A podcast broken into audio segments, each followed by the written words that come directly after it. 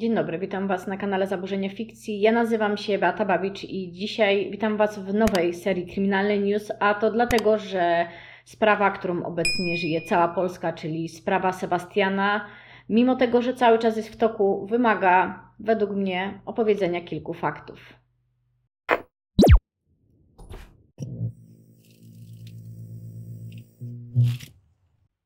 Jest sobota, 22 maja, godzina 19. 11-letni Sebastian Hrabia wysyła SMS-a z placu zabaw niedaleko swojego domu oraz szkoły do mamy, czy może zostać dłużej na podwórku. Mama godzi się na to, żeby chłopiec został jeszcze trochę z kolegami. Gdy o godzinie 19.30 nie pojawia się w domu, rodzina zaczyna go szukać na własną rękę. Dąbrówka Mała w Katowicach jest raczej bezpieczną dzielnicą, monitorowaną. Rzadko dzieje się tam coś, co mogłoby zagrażać zdrowiu i bezpieczeństwu dzieci. Przynajmniej tak do tej pory wszyscy myśleli. Ale Sebastian nadal się nie zjawia. O godzinie 22 matka chłopca składa zawiadomienie na policji. Przestaje łudzić się, że znajdzie chłopca. Chłopca zaczynają szukać policjanci, grupy strażackie, poszukiwacze z psami na, w okolicy Dąbrówki Małej, Burowca, Szopienic, a także na granicy Katowic i Sosnowca wzdłuż rzeki Brynicy. Niestety, poszukiwania nie przynoszą pożądanego efektu. Ale w identyfikacji i zatrzymaniu podejrzanego pomaga monitoring. Yy, choć nie jest to proste zadanie, tak jak mogłoby się wszystkim wydawać, ponieważ policja całą noc, soboty na niedzielę analizuje nagrania z monitoringu z miejskich i prywatnych kamer. I to właśnie te prywatne kamery sprawiają im najwięcej trudności, bo tego dnia nikt nie pracował na nich, a systemy monitoringu y, są obsługiwane przez podjęte spółki, więc możecie się domyślić, jak trudne było dotarcie do niektórych nagrań. Wymaga ono zaangażowania wielu ludzi i ogromnego wkładu pracy. I właśnie na jednym z takich nagrań z prywatnego monitoringu udaje się uchwycić białego Forda Mondeo. Na filmie widać też, że w samochodzie siedzi dziecko. Szybko e, policja namierza właściciela samochodu Tomasza M. Od momentu wytypowania numerów rejestracyjnych pojazdu aż do odnalezienia jego właściciela minęło niespełna 40 minut, chociaż mężczyzna przebywał poza miejscem zamieszkania, o czym informuje inspektor Aleksandra Nowara z Komendy Wojewódzkiej Policji w Katowicach. Policja dobrze wiedziała, kogo szuka. I tutaj wszystkie media i artykuły podają dość sprzeczne informacje, szczególnie odnośnie miejsca, gdzie odnaleziono mężczyznę, ponieważ mężczyzna nie przybywał u siebie w mieszkaniu, a najprawdopodobniej w miejscu pracy. Jednak należy wziąć też e, pod uwagę, że mógł być znaleziony niedaleko miejsca, gdzie ukrył ciało chłopca, czyli e, niedaleko działki budowlanej w pobliżu ulicy Wojska Polskiego. E, ciało chłopca zostało ukryte pod garażem, upchnięte w folii bąbelkowej w kartonie Mężczyzna później planował e, ciało chłopca e, zabetonować e, w miejscu swojego budowanego domu. Mężczyzna do porwania przyznał się praktycznie od razu, przyznał się również do przetrzymywania i uduszenia chłopca. Spekuluje się również, że to on wysłał SMS-a do mamy chłopca, że chce zostać dłużej na podwórku. Wskazał on też miejsce ukrycia ciała praktycznie przy zatrzymaniu. Y, mężczyzna zwrócił uwagę na to, że chciał porwać dziewczynkę, bo jak sam określił, nie interesują go chłopcy, a miały go zmylić jego y, długie włosy. Y, zresztą akcja wyglądała w ten sposób, że mężczyzna wjechał na pełnym gazie na chodnik i zszokowany chłopiec nie był w stanie się poruszyć. 41-letni mężczyzna siłą wrócił go do Forda Mondeo, po czym zablokował drzwi i odjechał. E, później przetrzymywał go w mieszkaniu swojej siostry, która nie miała wiedzieć e, o tym zdarzeniu. E, chłopiec zresztą powiedział w pewnym momencie mężczyźnie, przynajmniej tak wynika z jego zeznań, że o wszystkim powie mamie, więc ten spanikował i postanowił go udusić, aby ten nie był w stanie go rozpoznać. Chłopiec nie żyje tylko dlatego, że mężczyzna bał się konsekwencji swojego czynu. Bał się, że chłopiec wskaże go policji. Mężczyzna o całej sytuacji mówi beznamiętnie, ze spokojem, nie okazuje żadnych emocji. Tutaj pojawiają się liczne spekulacje, dlaczego tak jest. Czy po prostu już się poddał, czy, czy po prostu jest tego typu człowiekiem. Dziennikarzom udało się również ustalić, że Tomasz M. przed dokonaniem zbrodni był już notowany w policyjnych bazach danych. Według ustaleń dziennikarzy z Dziennika Zachodniego w 2008 roku porwał chłopca spod sklepu w Siemianowicach Śląskich. E, miał e, również przytrzymywać go u siebie, wykonywać mu zdjęcia o charakterze możecie się domyślić jakim. E, po zatrzymaniu mężczyzny na nośnikach, które, które przechowywał w domu, odnaleziono również różne tego typu treści z małymi dziećmi. Część informacji wskazuje na to, że jakieś materiały o treściach no, pornograficznych y, u mężczyzny już miały się znajdować wcześniej. E, tej informacji nie jestem w 100% pewna. E, mężczyzna za porwanie chłopca w Siemianowicach Śląskich otrzymał dwa lata w zawieszeniu na 5 lat. Oznacza to, że e, nie odsiadywał tego wyroku oraz oznacza to również, że na chwilę obecną jego wyrok uległ zatarciu. E, po zatrzymaniu mężczyzny dużo mówiono o tym, że miał rodzinę i dzieci i jakby tutaj wiele tematów się wokół tego skupiało. E, jednak e, należy wziąć pod szczególną uwagę, że miał on sądowy zakaz zbliżania się do własnej żony oraz dwójki dzieci, zresztą obecnie nastolatków, córki i syna. Wyrok, czyli zakaz zbliżania się i rozwód mężczyzny odbył się w 2018 roku. E, mężczyzna miał również na swoim koncie tak zwane porwanie rodzicielskie i e, zakaz zbliżania się otrzymał ze względu innymi na stosowanie przemocy e, wobec swojej rodziny. Więc tutaj mamy też taki obraz tego, jak funkcjonował on mniej więcej w życiu prywatnym do tej pory, chociaż tutaj kilka osób może być nieco zaskoczonych, jeśli tej sprawy nie zna. Kolejnego dnia wyciągnięto też sprawę, e, którą media bardzo intensywnie łączą z mężczyzną, a mianowicie samobójstwa 13-latki w listopadzie 2020 roku, które e, miała popełnić wraz z 11-letnią koleżanką. Znaczy młodszą koleżankę, tą 11-latkę udało się e, uratować, niestety 13-latki nie. I ta 13-latka ma być bratanicą mężczyzny. Mm, jej akta sprawy zostały przekazane do prokuratury. E, prokurator rejonowy Marcin Stopala, kierownik prokuratury rejonowej Sosnowiec Południe, poinformował, że w tej chwili akta sprawy dotyczące próby samobójczej 13-latki zostały przekazane do prokuratury okręgowej w Sosnowcu. E, równocześnie prokurator nie chciał się wypowiadać jakoś jednoznacznie w tej sprawie, ponieważ, e, jak sam stwierdził, śledztwo było przeprowadzone bardzo dokładnie i e, jakby. Mm, ten y, związek, który tutaj się może pojawić, jest raczej luźną zbieżnością. Y, I tutaj chciałabym się troszeczkę zatrzymać na artykule Superaka, który bardzo ostro podkreśla, jak bardzo te sprawy są powiązane i bardzo mocno sugeruje, że na 100% mężczyzna również tutaj y, gdzieś w jakiś sposób skrzywdził y, trzynastolatkę. Byłabym mimo wszystko daleka od tego typu spekulacji, dopóki prokuratura tej sprawy nie rozpatrzy, bo przypominam, że właściwie kiedy kręcę tą sprawę mamy 25 maja godzinę 18.25. Domyślam się, że w dniu, kiedy słuchacie tego materiału, pojawiają się nieustannie kolejne informacje. Pamiętajmy, że w tej sprawie największą tragedią jest los Sebastiana, jego rodziny, jego bliskich. Blady strach padł szczególnie na jego środowisko, miasto, ale również praktycznie cały kraj. Wielu rodziców znów z przerażeniem patrzy na swoje dzieci, bo y, warto zwrócić uwagę na fakt pomocy psychologicznej. I tutaj miasto Katowice stanęło naprawdę na wysokości zadania, ponieważ jeszcze w niedzielę 23 maja policja i katowicki magistrat uruchomili pomoc psychologiczną dla rodziny chłopca, a także dla uczniów i nauczycieli szkoły podstawowej nr 47, gdzie uczęszczał e, i pomoc ta ma dotyczyć nie tylko uczniów z jego klasy, ale również pozostałych uczniów, szczególnie tych, którzy e, będą potrzebowali takiego e, wsparcia. Pomoc ma tutaj objąć uczniów z jego klasy, klasy, y, pozostałych klas oraz rodziców dzieci, którzy mają już zapowiedziane spotkanie z psychologiem. Y, W specjalistycznej poradni rodzinnej powołany został również e, zespół kryzysowy, w skład którego wchodzą pracownicy poradni psychologiczno-pedagogicznej w Katowicach oraz pracownicy szkoły.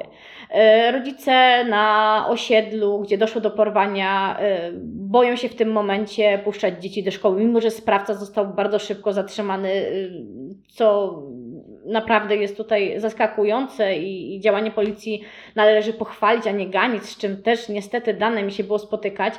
E, no ale padł blady strach. E, teraz dzieci, które mają 500 metrów do szkoły, idą z rodzicami i przeraża mnie osobiście, że niektórzy w internecie wieszają psy na rodzinie chłopca, który naprawdę potrzebuje teraz otoczenia wsparciem, spokojem, a nie wieszania psów, bo umówmy się, ten chłopiec był na naprawdę e, bezpiecznym osiedlu, bardzo blisko domu, zresztą co wynika jakby z korespondencji SMS-owej, e, zgłaszał mamie, e, na przykład jeśli ma, miałby się spóźnić do domu, pytał się, czy może jeszcze zostać, więc bardzo y, jakby tutaj y, okrutne wydają się jakiekolwiek zarzuty y, w kierunku rodziny chłopca. Wracając do sprawy, mieszkańcy Katowic i Sosnowca bardzo szybko ustalili dane mężczyzny oraz miejsce jego pracy. No i tutaj warto zwrócić uwagę, że najprawdopodobniej salony optyczne były jakimś tam biznesem rodzinnym i nie, nie prowadził ich tylko mężczyzna. Niestety bardzo wiele z tych salonów zostało zdewastowanych. E, chociaż część mieszkańców oczywiście wie, e, który konkretnie lokal e, prowadził mężczyzna. Prowadził on ten zakład od wielu lat. Zakład znajdował się w, w mieście Sosnowiec. Ja specjalnie nie będę tutaj pokazywała, gdzie on się znajduje, chociaż oczywiście macie linki do materiałów, z których korzystałam w artykułach. Także mm, no, to, to już jest Wasza jakby wola, jak się w tej sprawie zachowacie. Yy, mieszkańcy miasta na murach zakładu, który prowadzi, zostawili między innymi napis yy, Diabeł czeka na Ciebie. Tych napisów jest yy, troszeczkę więcej i jakby nieustannie pojawiają się jakieś nowe formy dewastacji. Najprawdopodobniej w którymś zakładzie też doszło do jakiegoś takiego większego zniszczenia lokalu, a na jednym z lokali wisi kartka, że nieczynne z powodu choroby. E, więc nawet ciężko mi określić, co tam się mogło wydarzać. E, czy, czy, czy jest to forma e, rozwiązania tego problemu? Nie. Na pewno jest to dla niektórych forma wyrzucenia z siebie bardzo trudnych emocji, których, które spotykają tutaj wszystkich. Tylko ja się pytam, w czym ma to pomóc? Bo szczerze mówiąc nie wiem. E, sąsiedzi lokalu Tomasza e, są w szoku, bo co prawda wśród większości z nich nie cieszył się szczególną sympatią. E, sporo osób uważało za, go za gobura, nieprzyjemnego człowieka. No to nikt nie spodziewał się po nim e, takich zachowań. Wielu sąsiadów zwraca uwagę na to, że ten raczej udawał sympatycznego, ale taki nie był. Ale są też tacy, jak na przykład pani Ewelina, która e, była jego stałą klientką, którzy są przekonani, że był bardzo sympatycznym i pracowitym człowiekiem. Zresztą często był widywany w swoim zakładzie pracy po godzinach, a obecnie jego klienci z o, o, jakimś obrzydzeniem, odrzuceniem patrzą na okulary, które wykonał i do końca nie wiedzą, co mają z nimi zrobić. Znaczy, jestem w stanie w jakiś sposób zrozumieć e, ich emocje z tym związane, bo mieli do czynienia z tym człowiekiem. No i wśród klientów, e, tych, którzy korzystali z jego usług, no, miał on po prostu dość dobrą opinię. 41-letniemu mężczyźnie Tomaszowi M. w poniedziałek 24 maja postawiono najcięższy zarzut zabójstwa z artykułu 148 paragrafu 2 kodeksu karnego, który jest rozwinięty dokładniej w czterech punktach. Linki do artykułów, tak jak powiedziałam, macie w opisie. E, uprowadzenia e, oraz uprowadzenia. Mają zostać mu przedstawione również kolejne zarzuty. Prokuratura nie chce na temat wszystkich zarzutów na chwilę obecną się wypowiadać. Grozi mu e, maksymalny wyrok, e, czyli nawet e, dożywocie. Tutaj oczywiście po raz kolejny powiem, pojawia się wiele spekulacji i nawoływań bardzo przemocowych. Ja z góry powiem, że ja w komentarzach nie będę wahała się usuwać wulgarnych, brutalnych komentarzy nawołujących do bezpośredniej agresji i przemocy. Szybko też y, jakby w okolicach y, Katowic, Sosnowca y, rozeszła się informacja, mówię tutaj o środowisku lokalnym, w którym cała sprawa miała miejsce, rozeszła się informacja, że w piątek 21 maja do komisariatu 5 wpłynęło zgłoszenie dotyczące ataku na nastolatkę, którego miał dokonać mężczyzna ubrany w różową bluzę i ciemne dżinsy w kominiarce na twarzy, goniąc przy ulicy Józefa Halera dziewczynki, która zdołała uciec między innymi dlatego, że mężczyzna zahaczył się o drut ogrodzenia i upadł. Dziewczynka e, z refleksem wiedziała, że po prostu trzeba szybko uciekać. E, nie ustalono również, czy to Tomasz M. był tym sprawcą, ale bardzo dużo osób nawiązuje do tej sprawy, jako bo gdyby wtedy został złapany, e, to oczywiście do niczego by nie doszło. Tutaj na chwilę obecną nie dawałabym żadnego wyroku, ponieważ po prostu nie wiemy, czy to był ten sam sprawca. Na pewno to wskazuje uwagę na fakt, że no, niestety trzeba być bardzo ostrożnym, chociaż pamiętajcie o jednym: winny jest zawsze sprawca. Pojawia się też pytanie, dlaczego mężczyzna nie widnieje w rejestrze sprawców seksualnych, który jest dostępny w internecie od 1 stycznia 2018 roku. E, dane Tomasza M. w jawnym rejestrze nie widniały, ponieważ został on skazany przed 2017 rokiem. E, znajdują się one jednak w rejestrze niejawnym, do którego dostęp mają policja i inne służby, a także osoby chcące zatrudnić kogoś do pracy z dziećmi, na przykład w przedszkolu. I tutaj uwaga, moi drodzy, bo to są kolejne zarzuty, które pojawiają się w sieci. Jak to? Policja nic nie robiła, nikt go nie sprawdzał. Ano, moi drodzy, sprawdzał, ponieważ e, jeśli taki mężczyzna istnieje, czy kobieta, lub inny przestępca widnieje w takim rejestrze, y, posterunkowi danego miasta oraz policja y, mają dostępne te informacje, korzystają z nich, co jakiś czas patrolują taką osobę, odwiedzają i monitorują y, jej zachowania, także nie da się oczywiście postawić tam całodobowej ochrony, ale zwróćmy uwagę na fakt, że gdyby nie to, że mężczyzna był monitorowany, prawdopodobnie nie zostałby złapany tak szybko. Jeśli mm, jesteście moimi stałymi widzami, to na pewno wiecie, że raczej nie mówię o tego typu gorących sprawach, gdzie nie jestem w stanie dać Wam e, pełnych informacji, gdzie nie jesteśmy w stanie uniknąć gorących emocji, które się wiążą ze sprawą, między innymi ze względu na fakt, że dalej tutaj nie mamy wyroku, a pojawiają się co chwilę nowe teorie. Prawdopodobnie, jeśli oglądacie teraz ten materiał, to już pojawiły się e, przynajmniej kilka artykuły na ten temat, e, które gdzieś tam w jakiś sposób tą wiedzę znowu y, powielają. Ale y, ta historia jest mi szczególnie bliska ze względu na rację mojego zawodu, ponieważ część z Was wie, część z Was jest tutaj pierwszy raz. Jestem pedagogiem resocjalizacyjnym i od lat, lat pracuję z dziećmi i młodzieżą. W tym momencie chciałabym zwrócić uwagę na taki aspekt profilaktyczny, bo oczywiście tej sprawy nie byliśmy w stanie uniknąć.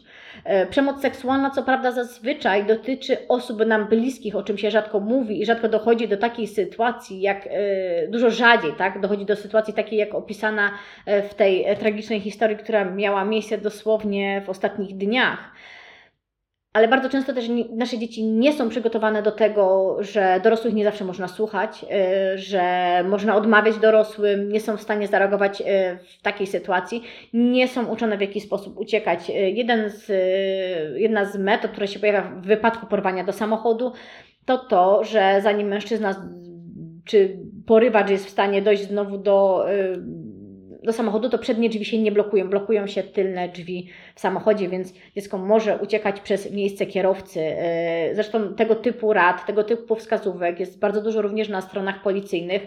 E, między innymi katowicka policja wznowiła e, akcję prewencyjną Naucz mnie kiedy mówić nie i tak potwierdzam, ta akcja była przeprowadzana w katowickich szkołach, w katowickich świetlicach i innego typu placówkach.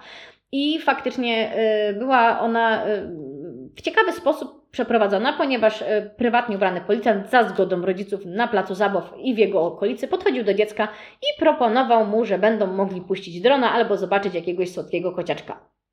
I uwierzcie mi, że dzieci po prostu szły.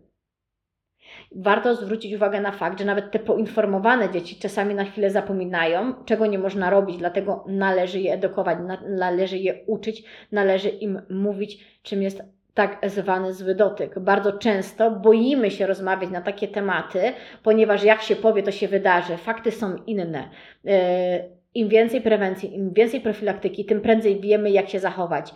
I nie, nie mówię, że w tym wypadku, gdyby Sebastian miał pełną wiedzę, byłby w stanie uniknąć swojego tragicznego losu. Mówię o tym, że prewencja i profilaktyka ma ogromne znaczenie w wielu innych przypadkach, gdzie można było uniknąć tragedii. E, bardzo e, jakby zwracają moją uwagę e, komentarze, które głośno krzyczały, że policja działała powoli. No, moi drodzy, policja działała wyjątkowo szybko, działała sprawnie i działała skutecznie. Tej tragedii niestety nie dało się uniknąć. Policja musiałaby być na miejscu zdarzenia w momencie tego zdarzenia, żeby można było uniknąć tego, co miało miejsce. E, pojawiają się też głosy na temat e, Amber Alert. No i moi drodzy, Pozwólcie, że Wam wyjaśnię, bo ja wiem, że wszyscy w pewnym momencie dowiedzieliśmy się, że jest Amber Alert. E, część z nas wie, że funkcjonuje on również w Polsce, część dalej uważa, że funkcjonuje on tylko w Stanach. Gdyby za każdym razem, kiedy dochodzi do porwania dziecka, uruchomiono Amber Alert, doszłoby do tak zwanej znieczulicy społecznej, czyli kiedy pojawia się bardzo dużo alertów e, na temat jakiejś, e, jakiegoś typu sprawy, przestajemy zwracać na nie uwagę. E, dlaczego w tym wypadku Amber Alert nie został uruchomiony? Najprawdopodobniej e, policja od początku, jako że policja od początku podjęła właściwy trop, bo od początku szukano e, w kierunku, który no, Wam opisałam, e, a wizerunek chłopca i tak był udostępniony, on właściwie całą sieć obiegów w ciągu kilku godzin i był wszędzie, e, to e, uruchamia się go w przypadkach, kiedy policja nie jest w stanie zidentyfikować, albo jest realne zagrożenie, że dziecko będzie wywiezione za granicę i tak dalej, i tak dalej. Tutaj bardzo szybko policja, mówię, podjęła właściwy trop. Gdyby żadnego tego typu tropu nie było, najprawdopodobniej w tym wypadku mógłby być zostać uruchomiony właśnie ten Amber Alert, ale yy, nie żądajmy, żeby za każdym razem był on włączany, ponieważ nie będziecie mieć na telefonie żadnych innych wiadomości poza Amber Alertem, który do tej pory w Polsce, jak się nie mylę, był uruchamiany raz lub yy, dwa. Yy, no i to, o co Was e, bardzo proszę, i tu nie będę miała żadnych wyrzutów sumienia przy e, banowaniu e, osób, które będą obrażały zarówno rodzinę chłopca, jak i rodzinę sprawcy, ponieważ to nie oni są tutaj winnymi w tej sprawie. Winnym jest mężczyzna, który dokonał tego czynu, chociaż jeszcze oczywiście nie odbył się proces i nie wiemy, jak on się e, zakończy, chociaż jak na razie wszystko wskazuje w jednym kierunku. Także mam nadzieję, E, że będziecie powściągliwi w swoich komentarzach. Wiem, jak ogromne emocje nami wszystkimi targają w tej sprawie. Nie bez powodu ją ruszam. Ruszam ją dlatego, żeby zaapelować o nasze sumienia, żebyśmy pamiętali o tym, że dzieci należy uczyć tego, że dorosły nie zawsze ma rację, za co mi się często w mojej pracy y, swego czasu obrywało, bo jak to dorosły nie zawsze ma rację? No, w wypadku Tomasza M. nie miał on racji i jego zachowanie nie było słuszne. Y, musimy uczyć dzieci odmawiać. Musimy z nimi rozmawiać również o trudnych tematach, yy, ponieważ jest to jedyna sytuacja, gdzie jesteśmy w stanie zachować jakąkolwiek prewencję niebezpiecznych zachowań. Nie oznacza to, że dzieci mają już nigdy nie wychodzić same z domu, ponieważ tego nie unikniemy. Chodzi o to, żebyśmy je wypuszczali maksymalnie przygotowane na różne zagrożenia, bo niestety nie wiemy, co będzie się działo w ich życiu i kogo spotkają na swojej drodze. Także no, moi drodzy, mam nadzieję, że y, ta sprawa y, wzbudzi nas, w nas trochę więcej refleksji niż y, agresji, bo wiem, że wszyscy czujemy złość, bo wszystkim jest nam trudno, bo widzę reakcje koleżanek, które mają dzieci i, i, i nie wiedzą teraz, co mają myśleć. Także Mam nadzieję, że w kolejnym odcinku zobaczymy się przy trochę spokojniejszych okolicznościach. Y, mówiła dla Was Beata Babicz.